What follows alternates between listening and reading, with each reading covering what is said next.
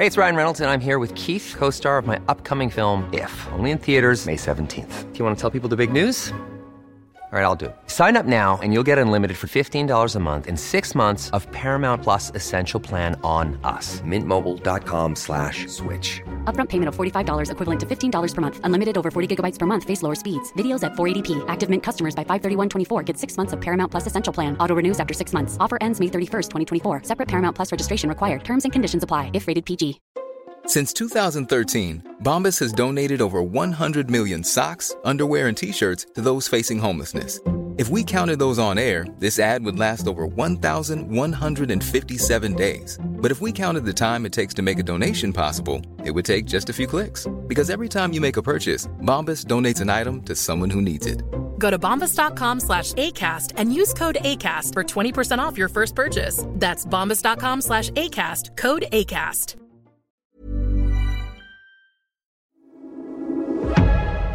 Du lyssnar på GVS ljudböcker.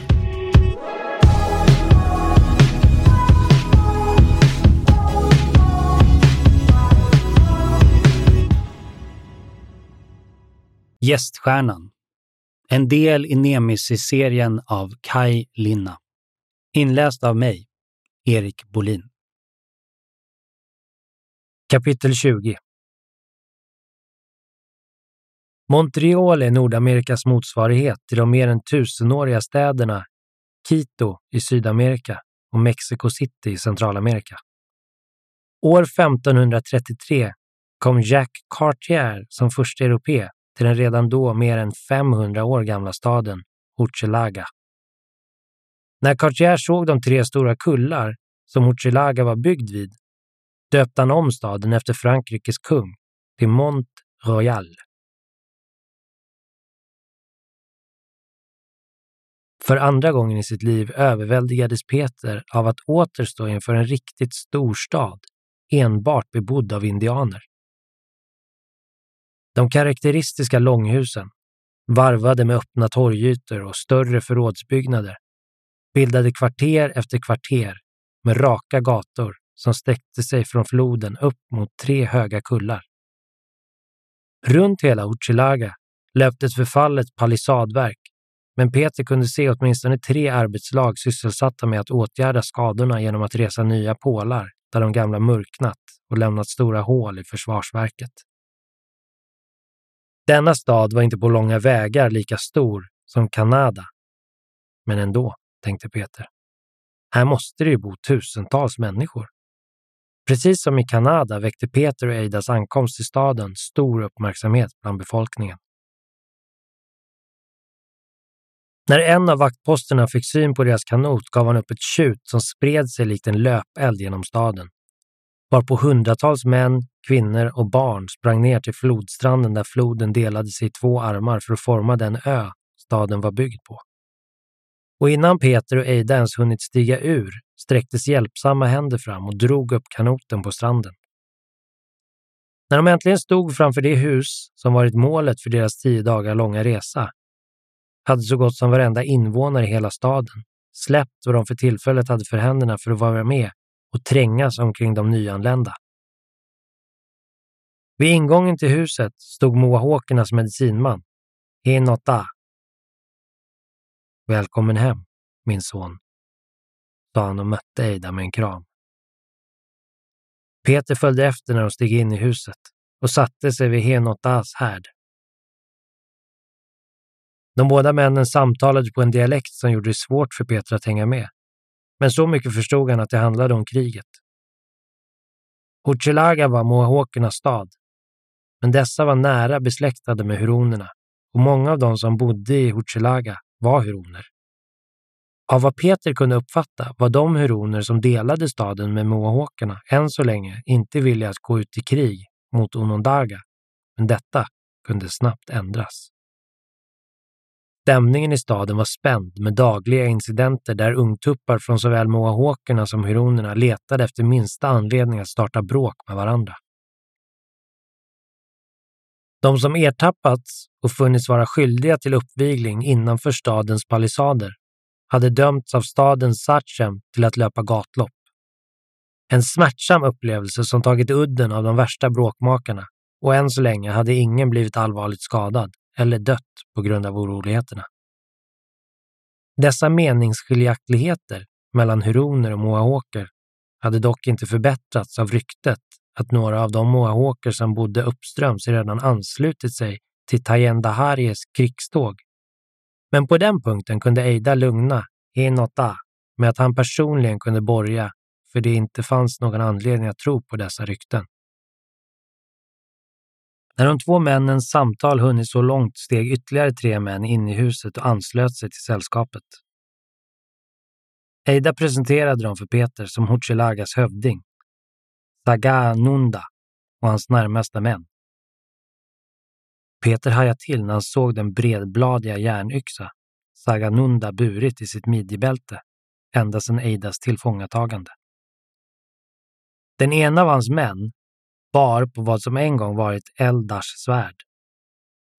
Att han var huron kunde Peter se på de små skillnaderna i hur han bar sina kläder och hur han var tatuerad på ett sätt som bara huroner var. Men den andra mannens kläder skilde sig mera markant från vad han hade sett hittills. Denne bar inte sitt hår rakat på sidorna så som alla de indianer Peter mött fram tills nu gjorde. Till och med de som bodde nere vid det varma Kanada.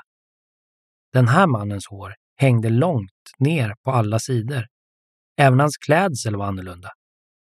Armarna och benen var helt täckta, beklädda med vad som påminde Peter lite grann om en kostym, fast den var gjord i skinn och dekorerad med små bitar av ben eller trä. Peter hade svårt att avgöra vilket. Han frågade Eida vilket folk denne man hörde till. Cree. Du kan gå ut och se dig omkring om du vill, fortsatte han.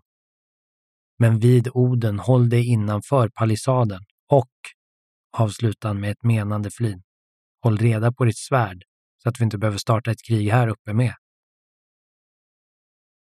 Därefter vände han sig åter till samtalet med männen vid härden. Orden sved som en örfil för Peter. Det var den första öppna anklagelsen om att det rådde krig på grund av honom. Han var orsaken till att folk dog. Peter tog honom på orden och steg upprört ut ur huset för att lugna ner sig. Knappt hade han hunnit ta två steg innan han var omringad av en skock små barn som klängde på honom och överöste honom med frågor, vilka han generat försökte besvara så gott han förstod dem. När några äldre pojkar i hans egen ålder dök upp och jagade bort de yngre barnen märkte han att barnaskaran drivit honom några kvarter bort från den relativa trygghet Hinothas hus erbjöd. Två av dem var huroner. Du är Hishtapehoki, sa en av dem. Mannen som bar Eidas metallkniv. Tror huronerna fortfarande att det tillhör Degenara Veve, svarade Peter. Och innan han hann tänka sig för satte han utmanande handen på svärdfästet.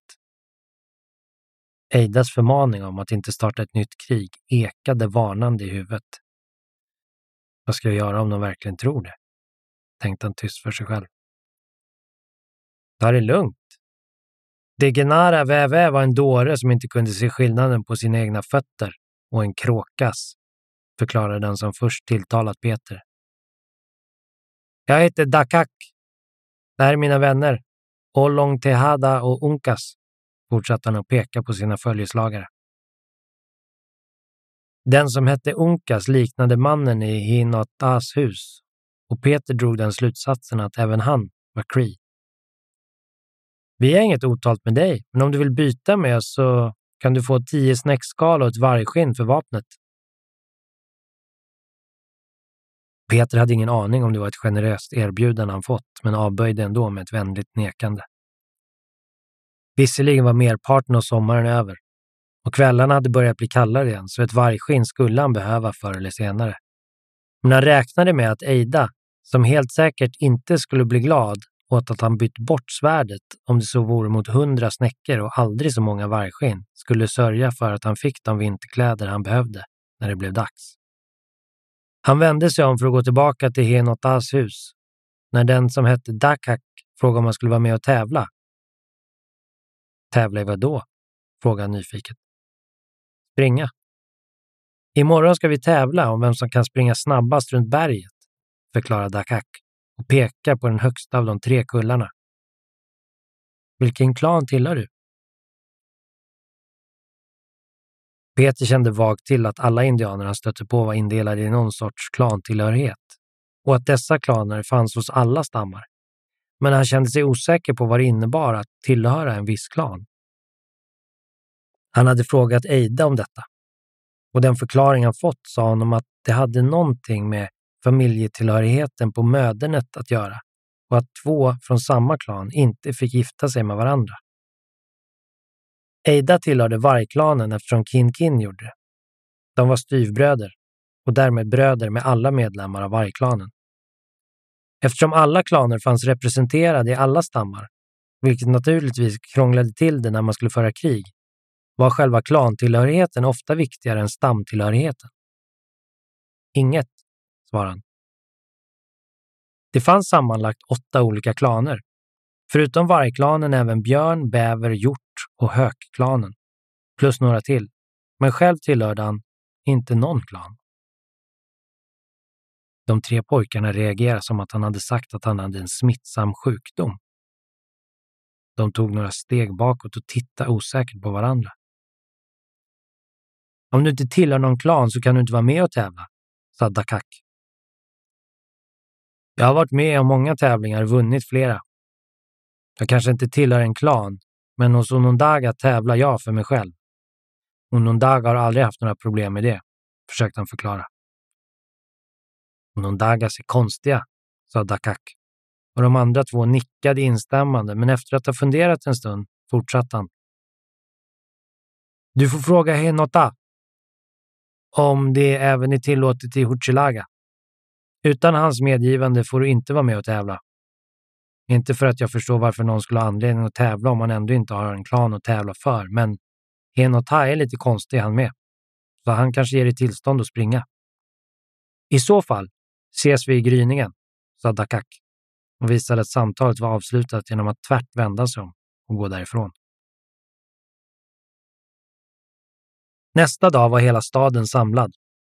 De bästa åskådarplatserna kring bergssluttningarna och på de plattformar av trä som fanns längs med vissa delar av palissaden var fullsatta.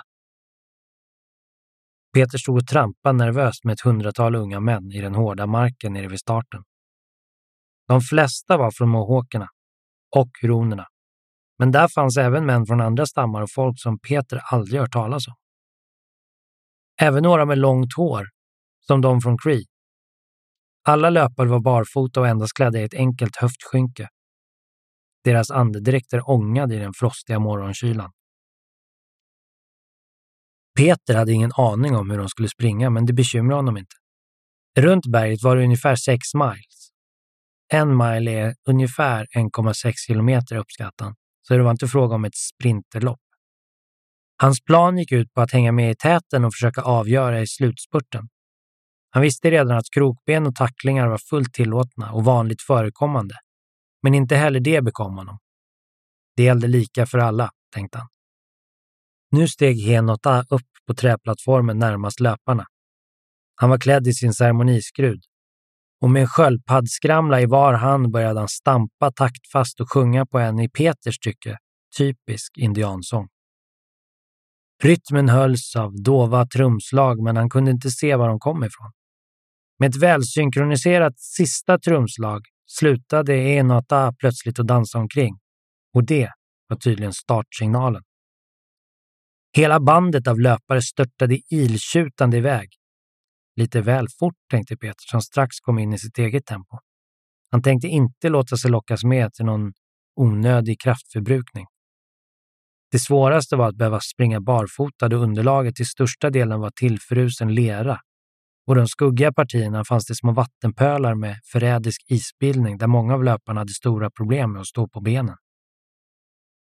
Efter halva loppet fick Peter kontakt med tätklungan, så han sprang på ett långt led längs en smal stig. Om någon försökte springa förbi den framförvarande löparen fick han genast en vass armbåge i sidan, så Peter valde att hänga kvar ett tjugotal steg bakom tätklungan. Den sista biten var det däremot inga problem. På en bred äng kunde han lätt avsluta loppet som klar tvåa. När Peter senare stod och torkade av sig svetten med hjälp av torkat gräs var det många som kom fram och dunkade honom uppskattande i ryggen. Bra sprunget, Ishta Pehoki från ingen klan, hörde han någon säga och såg på Dakaks breda flin. Peter hade passerat alla utom honom i slutet av spurten. Fast du sprang bättre. Synd bara att det var så halt, tillade han och pekade på det blodiga skrapsåret på Dakaks ena lår. Men Hirstapahauki har inga problem med att halka runt på isen, skrattade Dakak menande. Nästa gång kan vi ju springa på den tillfrusna floden, hörde han Dakak säga. Men resten av meningen lyssnade han inte på. Hans tankar var redan förlorade i någonting helt annat. Dakak hade gett honom en idé. Peter såg sig om och fick syn på Eida som stod och väntade med hans saker. Och när han klädde på sig ställde han sin fråga till den förvånade Eida. Hur bygger man en smedja?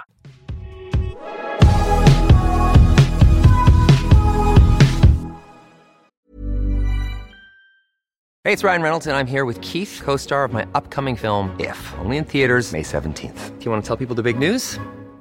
All right, I'll do it. Sign up now and you'll get unlimited for $15 a month in six months of Paramount Plus Essential Plan on us. Mintmobile.com slash switch. Upfront payment of $45 equivalent to $15 per month. Unlimited over 40 gigabytes per month. Face lower speeds. Videos at 480p. Active Mint customers by 531.24 get six months of Paramount Plus Essential Plan. Auto renews after six months. Offer ends May 31st, 2024. Separate Paramount Plus registration required. Terms and conditions apply if rated PG. Hiring for your small business? If you're not looking for professionals on LinkedIn, you're looking in the wrong place. That's like looking for your car keys in a fish tank. LinkedIn helps you hire professionals you can't find anywhere else, even those who aren't actively searching for a new job but might be open to the perfect role. In a given month, over 70% of LinkedIn users don't even visit other leading job sites. So start looking in the right place. With LinkedIn, you can hire professionals like a professional. Post your free job on linkedin.com slash people today.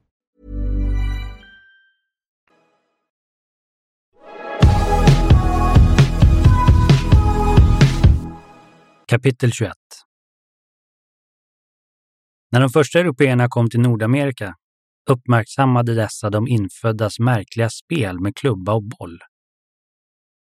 Irokeserna deltog oftast med femmannalag och det lag som med hjälp av klubban flest gånger kunde föra bollen, som oftast var gjord i hjortskinn innanför motståndarlagets två grindstolpar, utsågs till segrare. Irokeserna kallade spelet för skaparens spel.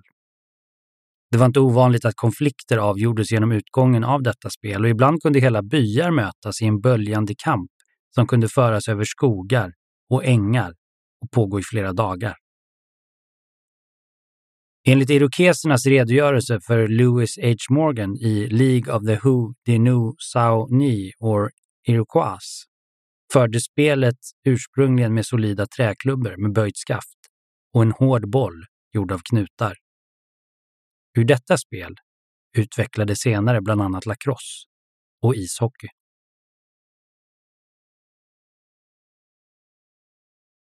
Slå nu pojke, sa Ida och tog ett stadigt tag i griptången han själv tillverkat.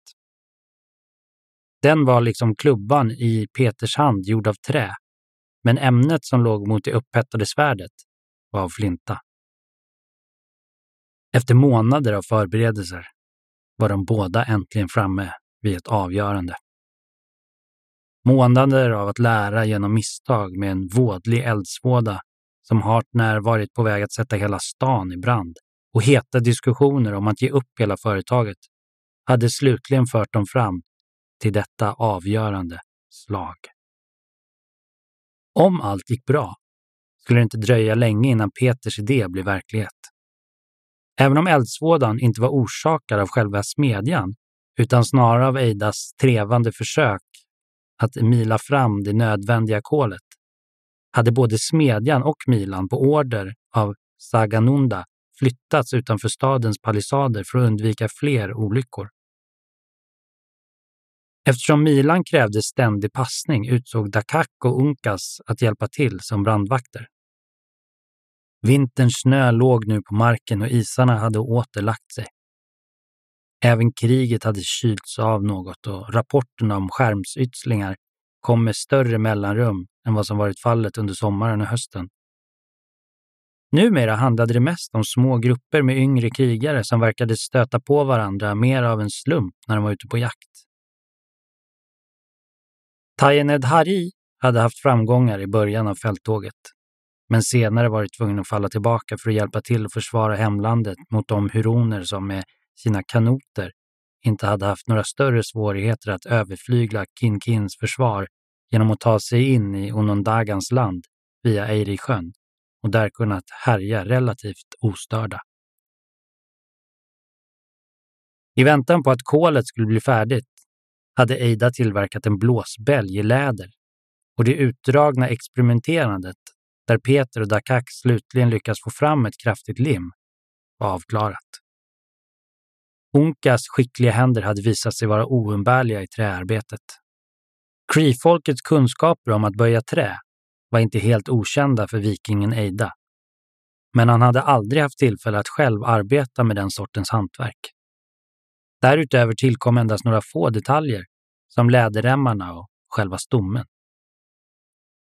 Peter högg till och väntade på att gnistregnet skulle skingras. Om flintan äntligen hade trängt igenom det upphettade svärdet skulle nästa fas kunna inledas. Där sprack hon, sa Aida med en tung suck. Och strax kunde även Peter konstatera att deras ansträngningar krönts med framgång. Fortsätt pumpa, sa han åt Takako och matade fram en liten bit till av svärdet. Det tog inte lång tid innan även den biten var tillräckligt varm och ett nytt hugg med träklubban fläkte upp svärdet lite till. Inom två timmar var arbetet avklarat och hela svärdet kluvet på längden i två delar. De fortsatte exalterat att arbeta långt in på natten och hugg för hugg styckades svärdet upp i allt mindre bitar. Till slut, då den påföljande dagen redan var långt framskriden och när svärdet var splittrat i 32 bitar, var Peter nöjd. Nu räcker det, sa han och höll upp en arm mot den svettblanka Unkas som bytt av med Dakak vid blåsbälgen. I handen höll Peter det enda som återstod av Eidas gåva. Tack för lånet, sa han lite ursäktande och räckte över svärdshjälten till Eida. Redan samma kväll påbörjades själva monteringsarbetet. Vinternätterna var vid det här laget som längst, kallast och mörkast. Den rosa stjärnans ljus hade nu avtagit så mycket att det inte skilde sig från de övriga stjärnorna mer än till den fortfarande klart urskiljbara rosa färgen. Nu när smedjan och milan inte längre behövdes kunde de flytta tillbaka in till staden.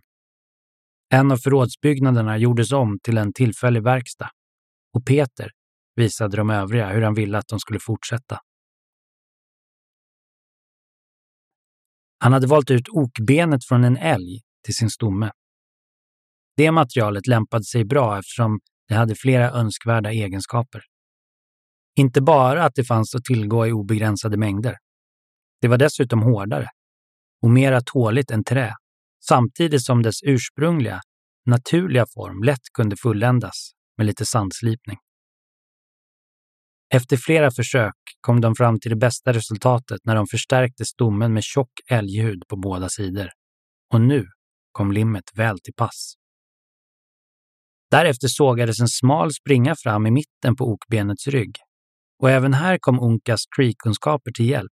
Men det var ett tidskrävande arbete att såga med ett honungsinsmort snöre, vilket drogs fram och tillbaka samtidigt som fin sand, inte för mycket och inte för lite, hela tiden fylldes på. När springan var tillräckligt djup bankades de små bitarna från svärdet på plats så att sju tiondelar var begravda i benet. Två bitar till varje stomme var det så småningom tänkt. Men Peters tanke var att först få klart de första två paren.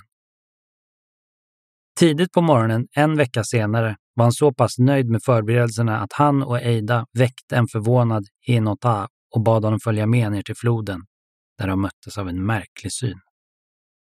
Dakak och Unkas hade skottat upp en stor del av snön i vallar kring den frilagda isen. Vad som liknade magiska streck och ringar var ritade på isen i rött med hjälp av djurblod och svart med sot. I varsin ända av den frilagda ytan stod de två pojkarna med varsin krokig pinne i handen. Direkt bakom pojkarna var två stolpar nedkörda i isen och ett skynke var sträckt mellan stolparna. De två unga männen tittade upp när Henota anlände och på en signal från Peter satte de fart. Hinota kunde inte förstå vad hans ögon sa honom. De två männen tycktes sväva fram på isen likt magiska väsen. När de lutade sig åt sidan rundade männen de magiska ringarna och återvände till sina stolpar där de stannade upp i ett gnistrande isregn.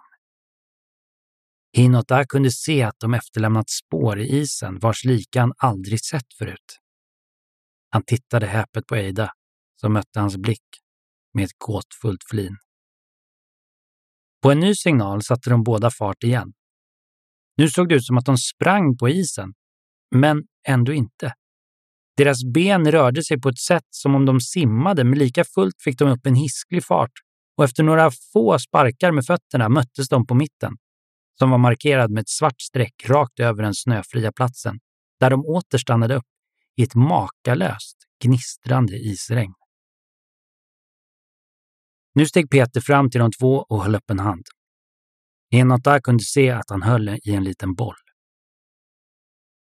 Peter hade experimenterat med att få fram något som kunde likna en puck, men alla försök hade misslyckats. Det av trä eller ben var för lätta och gick sönder efter endast några få slag. Han hade försökt med att klä bitarna i läder för att ge dem stadga och tyngd, men istället hade de då förlorat i friktion. De läderklädda puckarna stannades upp av isen och utan glid gick ett av de viktigaste inslagen i spelet förlorat, snabbheten. En boll går lika bra, hade han till slut bestämt sig för. Unkas och Dakak böjde sig fram mot varandra med sina klubbor. Och när Peter släppte bollen började de genast att kämpa om vem som skulle kontrollera den med sin klubba. Unkas gav Dakak en kraftig tackling och fick med sig bollen. Han satte fart mot Dakaks stolpar och innan Dakak hunnit upp honom klappade till bollen med sin klubba så att den for in mellan stolparna där den hejdades av det uppspända skynket. Peter var helt lyrisk. Han insåg att han just bevittnat världens första hockeymål. Tanken svindlade för honom när han insåg betydelsen av vad han nyss skapat. Lacrosse. Naturligtvis, det är ju lacrosse, mumlade han tyst för sig själv när han återvände upp till Eida, som stod och förklarade för Henota vad det var som de båda pojkarna hade på fötterna. Gäststjärnan av Kaj Linna kan du lyssna på i sin helhet utan reklam på Storytel.